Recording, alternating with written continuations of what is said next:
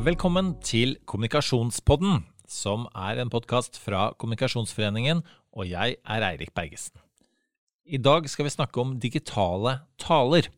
Hva kjennetegner egentlig en god tale, og hvordan har det endret seg nå som alt er digitalt? Hva kreves for å nå fram med budskapet ditt gjennom en skjerm? Hans Christian Holte overtok som Nav-direktør midt i pandemien. Han forteller hvordan han motiverer 19 000 ansatte han ikke engang har truffet, for å håndtere en rekordhøy arbeidsledighet. Mina Gerhardsen har skrevet boka Å lykkes som taler, og er selv toppleder. Hun gir oss sine beste råd for å nå fram fra den digitale talerstolen. Da vil jeg ønske velkommen Hans Christian Holte, som er direktør i Nav. Velkommen, Hans Christian. Tusen takk. Hyggelig å bli invitert til dere. Du sitter eh, hjemme på, på Kjelsås eh, i Oslo. Her har, jeg, her har, jeg, vært lenge, det er riktig. Jeg har hatt eh, stort sett hjemmekontor siden ja, novemberaktig, tenker jeg. Og Det som også er spesielt, er at det inkluderer hele din lederperiode som direktør i Nav, fordi du begynte i denne jobben i august i fjor. Ja, du kan si jeg har, så lenge jeg har vært leder i Nav, så har Nav vært midt i pandemihåndtering.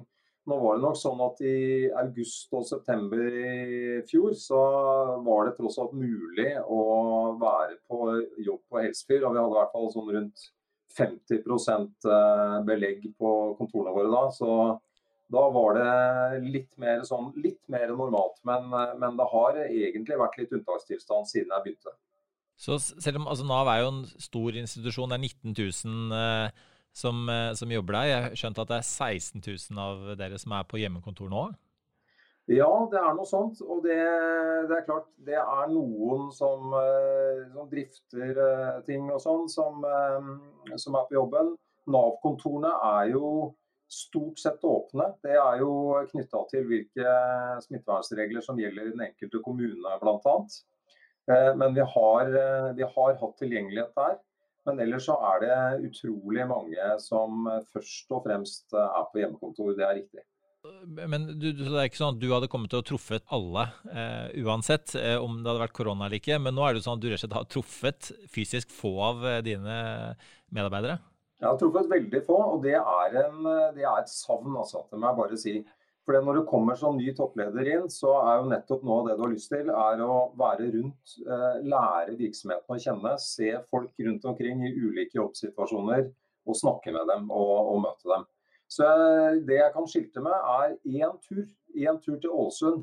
Det fikk, jeg, det fikk jeg gjort før jeg ble stengt inne på Kjelsås, holdt jeg på å si. Sånn at eh, det er veldig lite. Så, så da har jeg jo lett etter um, digitale måter å kompensere for det for, rett og slett. Og Før vi kommer inn på det, Hans Christian, altså du, den jobben du overtok òg, bare for å minne folk om det.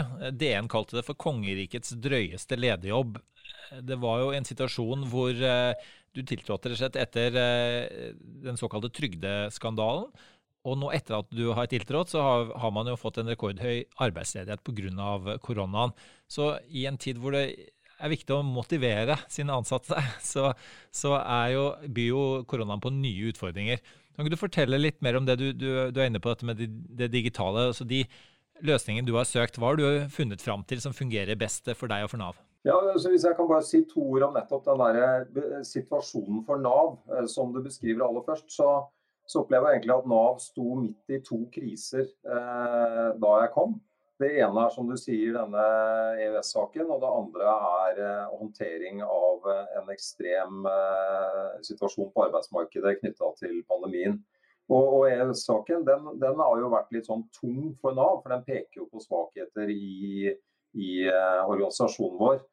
Og så må jeg si at koronahåndteringen, alle de nye ordningene som vi måtte utvikle på rekordtid, 700 eh, 000 dagpengesøknader, som er et sånn helt spinnvilt tall i forhold til hva som er normalt. Det å sørge for at folk eh, har muligheter på tiltak osv. Altså, det er så mye knytta til pandemien. Men det som er gøy å se, er at der har folk eh, jobba ekstremt bra. Og nok også er litt inspirert av rett og slett å levere i den situasjonen.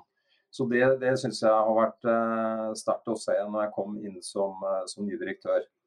Men så er det som du sier, hvordan er det da eh, hvordan er det mulig å bli kjent med og også gjøre seg kjent som ny sjef eh, i, eh, i, en sånn situasjon? Eh, og det har jo krevd litt eh, å tenke litt annerledes enn, enn jeg normalt ville gjort. Men et, et nyttig virkemiddel for meg, eh, som jeg også for så vidt har brukt før, eh, før det var snakk om pandemi, det er digitale allmøter for hele organisasjonen. Eh, så det har jeg hatt i Nav. Invitert 19 000 medarbeidere til møte. Og da hatt tenkt selvsagt nøye da, når du skal ha et sånt møte som krever så mye ressurser. Hva er de gode temaene? Hvilke budskap er det som jeg ønsker å gi til organisasjonen? Og jeg synes det har, eh, For meg har det vært en viktig sånn eh, leder, eh, lederkanal som har vært mulig å bruke, da, tross alt, uansett om jeg sitter på Kjelsås eller, eller hvor jeg nå er. For vi må legge til der at det du snakker om, om at du har brukt tidligere erfaringer, så har du vært direktør både i, i, Difi, altså Direktoratet for forvaltning og IKT, eh, og i Skattedirektoratet, hvor dere har hatt store desentraliserte organisasjoner som også har vært avhengig av å eh, kommunisere eh, basert på teknologi. Så hva er det du har tatt med deg derfra, bortsett fra altså, allmøtene? Nei, jeg tenker jo at eh, i hvert fall bare De allmøtene har, vært, eh, har fungert kjempebra på den måten at du har hatt, har hatt noen budskap som har kommet ut til hele organisasjonen. Du slipper den der viskeleken, på en måte. Det er ikke det at linja prøver å oversette feil, men det er noe med når du går gjennom flere ledd, så blir det lett. Eh, det vet jo dere kommunikasjonsfolk godt også, ikke sant? at der, der kan det glippe litt. Grann. Eh, så, så, det å liksom få liksom, stukket fingeren ned i der hvor det virkelig kanskje Dette bør vi snakke om i organisasjonen. Dette er vanskelig for oss. Her ligger det noen dilemmaer. Så Det skal ikke være sånn halleluja-møte, men det skal være møte hvor vi snakker om det som betyr noe for oss. Eh, det har jeg gode erfaringer med. Og så er det som, som du er inne på, så er det Eh, så er det likhetstrekk i, eh, i, eh, en organisasjon, da kanskje særlig mellom skatteetaten og Nav, som to veldig store eh, forvaltningsorganisasjoner og, og, altså offentlige organisasjoner i Norge. Eh, så der er det å tenke litt sånn massekommunikasjon, eh, både internt og også for så vidt bruke den eksterne kommunikasjonen og tenke at det er en del av det som blir Eh, min, eh, min kommunikasjon da, med egne medarbeidere, rett og slett. Så, så, det blir en litt annen måte enn i en, i en mindre organisasjon. Og du peker på, på, noe her, nemlig den muligheten som, som, det digitale gir til å eh, nå ut til alle eh, samtidig. Eh, og, og, og, slippe måte at noen har eh, snakket sammen. og, og viser at det har du også gjort før. Men er, kan det være noe som, som andre ledere altså gjør de til bedre ledere under eh, det digitale regimet man nå har, enn, enn man hadde før? Jeg syns i hvert fall eh, det er verdt å tenke gjennom eh, om, eh, om, du som leder i en organisasjon om du kan eh, få noe ut av den der direkte muligheten du har. Eh, og så er det klart det er, det er sånn det mulighets kunst. Når, når, jeg har disse allmøtene f.eks., så prøver jeg også å gjøre det det må, være, det må være Det blir på en måte en produksjon. ikke sant? Det blir som å si OK, nå skal jeg snakke innledningsvis noen minutter, så ha en samtale med noen folk som ønsker å, å ha en dialog om et viktig tema. Eh, så har jeg kanskje innledningsvis stilt noen spørsmål til alle ansatte. Så får jeg noen eh, svar på det inn mot slutten av møtet, så det blir litt sånn litt interaktivt også det er noe med, det er, hvert fall, eh, sant, det er en stor investering, men hvis man tenker litt gjennom eh, særlig som sagt på noen viktige tema, så tror jeg det kan være, være veldig effektivt. Altså. Så jeg, jeg syns i hvert fall det, det, har hatt sin funksjon, eh, sånn som jeg ser det i, i, eh, når jeg har prøvd ut. Du, du, er inne på det, altså måten man produserer det hele på. Det er jo litt annerledes fra si, pre-korona, gamle dager, eh, hvor eh, det å tråkke opp på en talerstol og snakke til en større forsamling, eh, det byr på litt andre utfordringer. Folk har kanskje ikke den samme tålmodigheten selv til å høre, høre fra lederen sin over, over, lengre tid. Hva er det du gjør annerledes nå fra hva du gjorde før, når du skal holde, holde en tale til, til, til, egne ansatte eller andre? Ja, det er, det er, klart. Jeg kjenner jo at det er litt annerledes. Altså, men det er klart, disse store allmøtene de var jo digitale i skatteetaten før koronaen, og de, de er digitale i Nav nå under koronaen. Det er noen forskjeller allikevel. Fordi jeg hadde en en, eh, en, forsamling på kanskje 200 personer som eh, overvar et allmøte og som skapte stemning rundt det. Det ble som en annen, en annen setting. Eh, nå er det mer sterilt. ikke sant? Jeg, eh, akkurat sånn som jeg gjør eh, i alle dagens møter, liksom, så, så, ser jeg inn i et lite kamera og, og prøver å skape min egen energi uten å få noe særlig tilbake, istedenfor eh, sånn som man vanligvis gjør, da, å få det fra publikum. Så bare det sånn, Hvor setter du blikket hen? Hvordan holder du energien oppe? Eh, hvordan er det du liksom, jobber med det å, å, nå ut, og som du er inne på, holde på oppmerksomheten eh, når det er disse digitale møtene. Det er klart En litt sånn dårlig og treig eh, TV-produksjon med en litt stiv eh, direktør, det er ikke veldig sånn turn on. ikke sant? Så det er noe med å holde det levende og interessant, eh, rett og slett. Og da, da, tror jeg i hvert fall eh, et godt utgangspunkt er å gripe fatt i noen tema som du som toppleder er genuint opptatt av at organisasjonen virkelig skal bry seg om. Så at Du må ha den driven. Det skal ikke være sånn utvendig heller, men det må være noe som virkelig, virkelig betyr noe. Da. Og Det er ikke bare å holde en tale for å holde en tale? Nei, det tror jeg er en dårlig, dårlig utgangspunkt. altså. Du, du, du, går ikke opp selv på den digitale talerstolen uten å ha noe på hjertet og ha en anledning for å snakke til folk? Nei, altså jeg syns jo, eh, jo, det er viktig at du rett og slett eh, ikke bare følger et skjema eller tenker at nå er det på tide å si noe igjen. Men altså, det må være litt sånn indre drevet tror jeg, for å, å, å ha god kvalitet. da. Eh, jeg tror det er veldig vanskelig å fake det, rett og slett. Og det er ikke noe god idé heller å, å prøve å fake det. Sånn at det må være noe du, du virkelig har på hjertet.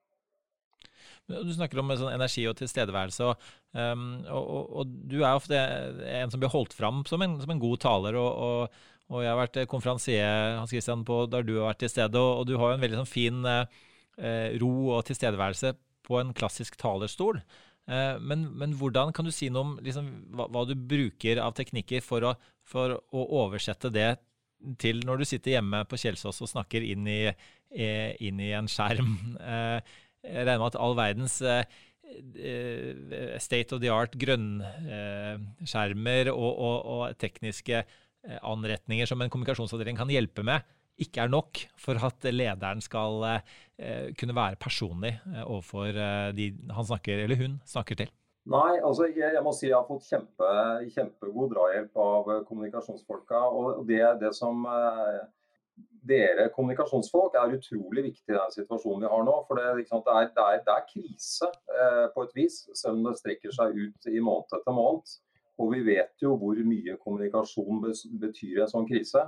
Så at det jeg bare lyst til å huske på å si det, at det, den jobben som kommunikasjonsfolk gjør i denne situasjonen, er utrolig viktig og verdifull. Og den kjenner jeg også på som, eh, som toppleder i Nav. Eh, men så er det som du sier, det, det, bringer bare et stykke på vei. De kan gi gode råd. Noe av det kanskje viktigste for kommunikasjonsfolkene, det er eh, det å få testa ut og få liksom, kjørt meg litt, varma meg litt opp. Enten det er et revolverintervju eller det er et allmøte. ikke sant? Men eh, hva er det som virker når jeg da sitter på hjemmekontoret? Jeg har hatt en del hilsener til til Nav-ansatte også. Ikke bare disse allmøtene, men også en type videohilsen da, som legges på, på intranettet f.eks. Eh, og der, eh, der, har det kanskje vært en sånn liten reise som er også en sånn illustrasjon på noen, noen muligheter. Jeg, jeg, er veldig skeptisk til sånn, sånn, green screen og sånne bakgrunner og sånn. hvor jeg plutselig snur på hodet og så er øret mitt borte og, og alt det der, de greiene der. Jeg, jeg er skeptisk til det. Så jeg begynte med å, å ja, vise fram det litt sånn rotete hjemmekontoret mitt. Med masse bil, gamle bilder på veggen og, og, litt sånn. Og tenkte at ja, ja, sånn har jeg det på Kjelsås, og nå snakker jeg til Nav. Og det, det må være greit. Og da fikk jeg fra kommunikasjonsavdelinga mi, så fikk jeg hadde jeg et sånt, det var sånne gamle avistegninger som grandonkelen min hadde, hadde, fått tak i. Og så var det et sånt bilde fra, fra kjøpmannen i Venedig. Det var et sånt teaterbilde som hang bak skulderen min. Eh, men så fikk jeg høre at det var veldig mange som lurte på organisasjonen hvorfor har han et bilde av Ayatollah Khomeini bak skulderen. liksom. Så det er bare sånne utilsiktede ting da, som kan skje. Sånne, sånne rykter, liksom. Hva er dette for noe? Men, men i hvert fall. Eh, fra det litt sånn rotete imaget, som, så nå har jeg en Nav-vegg eh, med logoer og sånn, som er liksom kommet eh, ganske seint ut i pandemien, men som f.eks. i mer ja, nyhetssammenhenger, da, hvis jeg har et eller annet eh, innslag med, med NRK eller noe sånt, så er det greit å ha. Og Jeg bruker også det i, i en del andre sammenhenger. Så at det er, eh, det er, noe med å kjenne litt på eh, hvor mye skal du by på deg selv. Eh, hvor mye skal du liksom, vise fram rotet ditt, og hvor mye skal du, skal du heller ha den litt sånn proffe. Og når er du det ene, og når er du det andre. Og så er det jo egentlig å bygge opp den derre snakke til dette kameraet, og, og, tenke at du snakker til organisasjonen din. Så det er en, en liten sånn Du må, du må liksom jobbe litt for å liksom, få den konsentrasjonen Eh, inn, tror jeg. Så tror jeg også det mm. er et poeng å være litt sånn presis, kortfatta, tydelig. Uten å bli sånn eh, lese opp et manus. Men allikevel, eh, det krever litt mer å holde på oppmerksomheten. Så man må være litt mer spissa og presis. Og sånn, Når det gjelder det personlige, altså det å være en, en leder og, eller enhver taler òg, det handler jo først og fremst å kunne kommunisere så naturlig og personlig som mulig til folk. Men det, det er sikkert ikke enkelt eh, verken når man bruker teknologi eller man snakker til veldig mange mennesker eh, samtidig. Har du et sånn, et sånn eh, personlig sånn, sikkerstikk som du, du, tyr til når du, når du har noe eh, viktig du ønsker å få fram? Altså jeg jeg syns i hvert fall ofte at det er lurt å, å mikse altså liksom å, å kunne, kunne, være litt sånn nedpå eh, også en situasjon hvor du har noen litt sånne seriøse budskap. Eh, det, det, tenker jeg det, det, er sjelden at det er helt feil. Eh, så det, det, å være eh, altså enten eh, litt selvironisk eller litt medfølende, eller altså at du på en måte ja, viser noe annet av deg selv enn bare en som på en måte eh, gir dette budskapet. ikke sant? Det, det tenker jeg det fargelegger litt, på en måte. Det er en del av det å Eh, også, også treffe folk, da. Mm. Eh, og så er vel eh, historien om dette det å by på seg sjøl og ha litt rot rundt seg, er vel også når det gjelder enten både Erna Solbergs kjøkkenbord eller eh, Jonas Gahr Støres kjøkkenbord med den Jegermeisteren. Eh, også noe som kløktige kommunikasjonsfolk er nødt til å regissere for at det skal virke tilfeldig. Jeg kan love deg, det har ikke vært noen eh, kommunikasjonsfolk hjemme på hjemmekontoret mitt her på Kjelsås. Altså. Det eneste de har blanda seg med, er dette ene bildet som hang bak eh, skulderen min. Men ellers eh, så har, har det rotet fått være helt i fred. Det hører med til historien da, Hans Christian, at vi sitter og ser på hverandre nå for opptakets del, nettopp fordi at det, det faktisk gir en ekstra dimensjon å selv på podkast å kunne, kunne, se hverandre i intervjusituasjonen. Og jeg kan bekrefte at jeg ser iallfall ingen Ayatollah Khomeinier bak deg. Jeg ser mange Nav-logoer.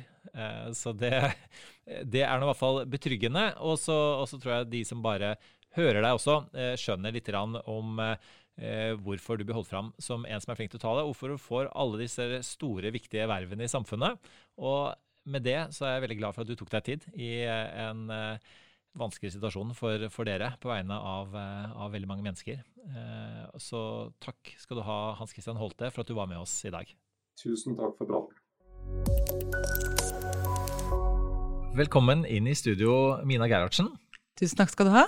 Du er eh, generalsekretær i Nasjonalforeningen for folkehelsen. Og mange kjenner deg nok både som eh, kommunikasjonsdirektør, eh, som journalist, som politiker og ikke minst som forfatter av boka 'Å lykkes med taler'. Mm -hmm. Og det er jo derfor du er her eh, nå. Eh, og det å holde taler i våre dager er annerledes pga. denne pandemien. Du er jo en av de som det er hyggelig å ha deg i studio, for du er en av de som har sittet hjemme og ledet din organisasjon siden koronaen startet. Ja, stort sett hjemme siden mars, så utrolig hyggelig å komme hit og se folk. Ikke sant? Og det, og det, er, jo, det er, jo, noen ting ved det å holde taler som er det samme, og så er det noen ting som har endret seg. Og Mina, hva, hva, er egentlig en tale? Til vanlig er det å stå foran en forsamling og presentere et budskap. Eh, du det er en liten enetall da, som skiller det fra møter. At du, du skal presentere noe. At du har den høytidstalen, og så kan det jo være et foredrag som er litt lenger, det kan være en presentasjon PowerPoint. Så det, ja, det er den litt, litt lengre enetalen, vil jeg sagt er en tale. Ja, og den, og den høytidstalen som kanskje mange tenker på når de tenker på tale, som liksom du reiser deg i en forsamling og, og, tusler ganske nervøst opp med noen raslende ark og opp på en talerstol og ser ut på en forsamling, den er jo borte nå. Eh, og er, er taler definert, Kan man definere på en litt annen måte nå i den digitale tiden? En annen måte å gjøre det på. Samtidig så har jeg også i løpet av året holdt høytidstale, men det er med kanskje opptak hjemme og sende video til noen som skal dele det live etterpå.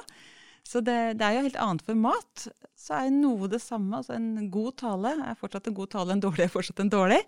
Men formatet er jo annerledes, og det er en del andre ting å tenke på. For å begynne med det, da. Hva er det som gjør den gode talen god? Både når det er korona og man eh, sitter hjemme, eller når man møtes, når koronaen forhåpentligvis snart er over. Det viktigste med en tale er jo at den gjør jobben. Det handler jo om at eh, du blir hørt og husket og skaper handling. At du får folk til å tenke noe nytt og gjøre noe nytt. Eh, jeg, Hvis vi snakker om disse jobbtalene, ikke bursdagstalen til mormor. Um, og da er det jo at du har et tydelig budskap. Vi veit at folk husker veldig lite av det du har sagt. Da er det viktig at du husker rett ting. Det å hamre inn budskapet det er viktig uansett formatet. Og så er det jo vet vi at folk trenger knagger. At du har eksempler og historier som gjør at man får med seg og skjønner hva du snakker om, hvorfor dette er viktig. Det gjelder uansett. Og, og nå når man har måttet omstille seg, eh, og det skjedde ganske raskt, mm -hmm. og man fortsatt eh, har et behov for å nå ut med det budskapet, og som du sier, til mange samtidig. Hva, hva er det nye folk må tenke på for at en god taler fortsatt skal være en god taler? Det er noen praktiske ting. Altså det der å huske å stille seg sjøl i rampelys, så du faktisk får en stor rute og ikke bitte liten en eh, folks skjerm. Eh, og ha kameraet riktig innstilt. Veldig mange snakker jo med jeg sier, uten hals. At du bare har liksom kameraet ved haka opp. Du mister jo litt autoritet og, og, muligheten til å bruke kroppsspråk hvis du har veldig lite utsnitt. Så det er noen sånne at lys og lyd må være bra. Men, men så er det jo også det at du ofte snakker uten å se folk. Altså, både du og jeg liker å stå på scener. Og da er det jo nettopp samspillet med salen som gjør at du kjenner at nå, nå funka det. Rett og slett, nå var jeg god. Her sitter du helt alene. Eh, og noen ganger snakker du inn til alle mengder som har kamera av. Du ser ingen, aner ikke hvordan det treffer. Så det er jo den store forskjellen. Nå sitter jeg og, og, og, nikker og smiler til deg, og nå lo jeg litt i stad. Jeg har ikke brutt applaus enda, men det kan komme.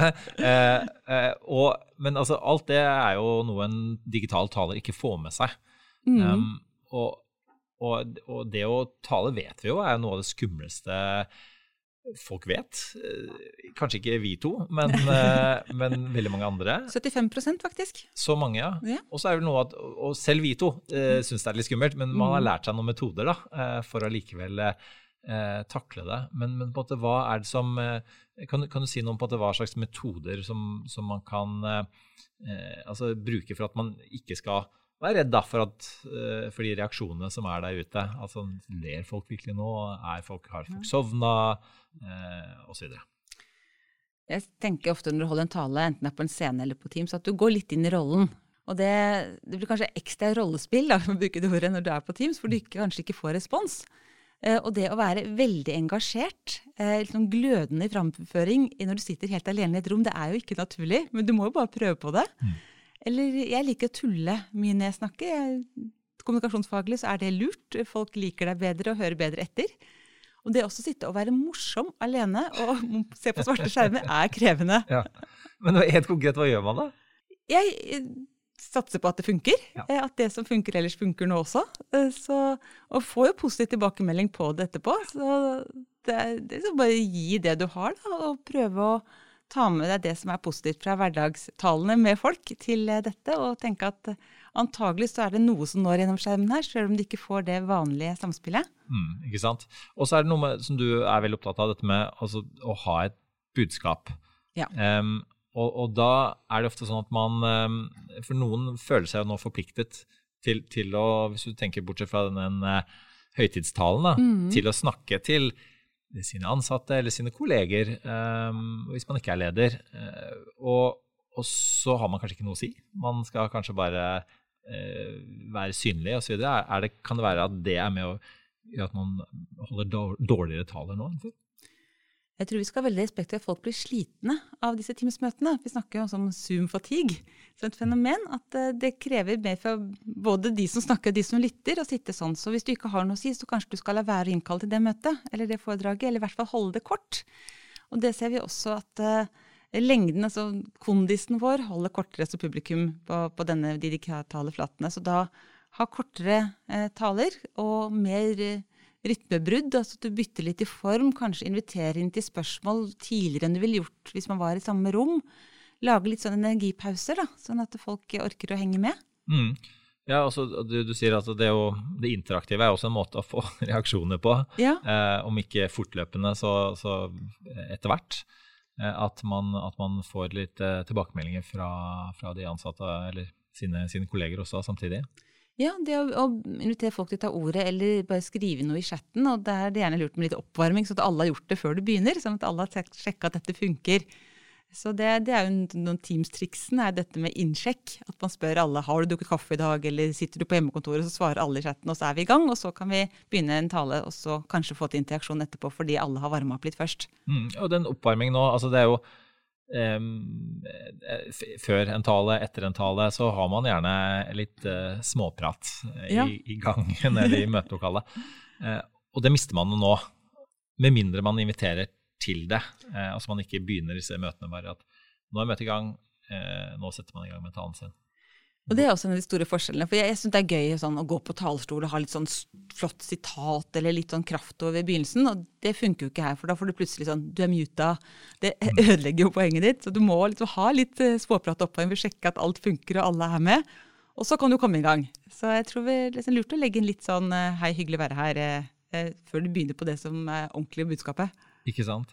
Eh, jeg, jeg, har jo også, også, i denne tilværelsen vært litt, uh, litt konferansier. og vært eh, intervjuet eh, folk. Og det jeg merker meg, er jo de som, som, de som leser opp noe som er skrevet. Mm. og, og en, ganske, en klassisk pre-koronatalen, pre det funker veldig dårlig. Ja, du, Vi trenger veldig øyekontakten, så du må lære deg å sitte og stirre inn det kameraet. Og hvis du har manus på skjermen, så lat som du ikke har det. Og så kanskje se etter andre formater, at det er ikke sikkert talene er, svaret akkurat nå. Kanskje mer samtaler, eh, mer intervjuer. Og også vil jeg si vær forsiktig med powerpointen, for folk blir også veldig slitne av det. Så kanskje ta halve talen din med og halve talen uten, så det blir litt fjes og litt eh, ja, nettopp det med energi og samspill. Og så er det vel noe også dette med en, en, type sånn muntligheten som også skal være i en skrevet tale, mm. som gjør at, at, folk føler at du snakker Eh, til, altså med de, og ikke bare til de, kanskje?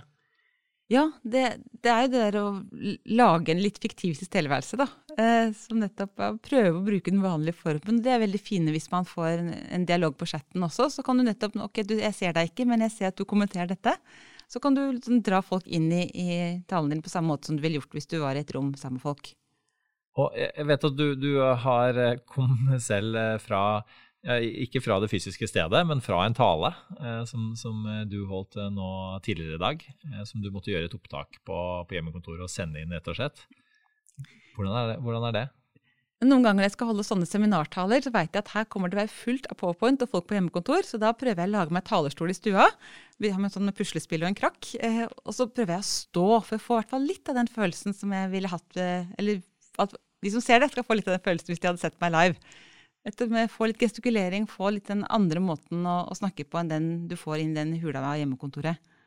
Og, og fordi eh, mine av de som, eh, som, nå gleder seg til at ikke minst å møte kollegene sine igjen, og det skal de jo få lov til, men kanskje gleder seg også til å tråkke opp på den gode gamle talerstolen. Eh, det er ikke sikkert at det blir sånn, eh, med mange innsparinger, både mm. eh, økonomisk og ikke minst eh, mindre belastninger for miljøet, så blir det antageligvis mindre reising, og det blir mer, at det blir en hybridversjon etter hvert, med, med, mye digitale taler. Altså, hva, hva er det man må forberede seg på også i fremtiden, etter at eh, koronaen er over? Jeg tror det er trygt å si at digitale møter er kommet for å bli. Mm. Så dette her er format vi må lære oss å mestre. Og rett og slett, vi, vi må bli gode på Teams og Zoom, for uh, dette er måten å snakke på framover. Vi har et uh, lytterspørsmål også, Mina. Ja. Og det spørsmålet er fra um, Angunn eh, Dybsland, som er eh, kommunikasjonssjef i Oddfjell. Hun lurer på hvordan kan man på best mulig rådgi en leder som har dårlig tid til forberedelser, og ikke nødvendigvis tenker at det er noen forskjell mellom digitale og fysiske taler. Viktigste er vel å gjøre det kort. Og så prøve å gi sjefen en treer og tre grunner dette er viktig, og to eksempler, så blir det en bra tale. Det, det høres bra ut. For det, dette med eh, manglende tid, det er jo noe som man alltid har hatt, og ikke minst disse, disse sjefene. Det er ikke nytt. Men vi må ta med den eh, koronatrøttheten også. At eh, lange taler med lite budskap, det tåler vi dårligere nå. Så det råder sjefen til å være litt eh, kortfattet, kan være lurt. Hvem tenker du hvis du skal trekke fram noen du har lagt merke til, eh, Mina, som, som eh, har måttet snakke kanskje på en litt annen måte til offentligheten? Eh, hvem vil det være? Jeg synes Det har vært veldig spennende å se på Bent Høie. Eh, han har jo eh, funnet en spesiell form som har, funker for han. Som tidlig taleskriver så er jeg veldig opptatt av at eh, man må finne stemmen til den som snakker. Og den som hjelper Bent Høie, har funnet ut hvordan han, han har ganske monoton måte å snakke på, men med disse korte setningene han nå har blitt uh, kjent for, så, så, blir det liv i budskapet likevel. En tydelighet som han uh, har fått fram nå gjennom koronaen, syns jeg. Er det lov å si at den monotomien Uh, også på en måte kan være litt sånn et politikertriks for måte, at folk ikke skal feste seg for mye i det du sier, og for å ta bort emosjonene i, i en ofte situasjon som er veldig vanskelig emosjonelt for mange av de som hører på. Det er jo på et vis veldig beroligende med den uh, veldig dempede. så har du kontrasten med Raymond Hansen, som går jo all in med følelser og patos. og og sånn, eh, jeg ble rørt sist jeg hørte Raymond på holde pressekonferanse. Da kjente jeg sånn Å, du står på for oss i Oslo. Eh, så han kanskje engasjerer mer. Eh, mens Høies jobb kanskje er å berolige oss, og funnet en måte å gjøre det på. Så har jo noen som mener at det kanskje har blitt litt mye patos og lite fakta. Men hvis vi skal snakke om taleteknisk, så har han funnet en form som er veldig fin for seg. Så, så uansett, digitalt eller ikke, så handler tale først og fremst om å finne stemmen sin og, og, snakke på en personlig måte. Du må være forberedt. Eh, du må ha et poeng. Eh, da blir det bra. Det var en fin måte å oppsummere det hele på, Mina. Tusen takk eh, for at du kom innom studio. Tusen takk for at vi kom med. Takk også til deg som hører på. Om du vil lese flere kommunikasjonsperspektiver fra Mina Gerhardsen, kan du finne disse på fagbloggen PR-prat på kommunikasjon.no. Mitt navn er Eirik Bergesen. I redaksjonen har jeg med meg Malin Sundby Revå, Anders Ringen og redaktør Mari Mellum. Vi høres igjen om tre uker. Du har hørt en podkast fra Kommunikasjonsforeningen. Les mer om oss på kommunikasjon.no.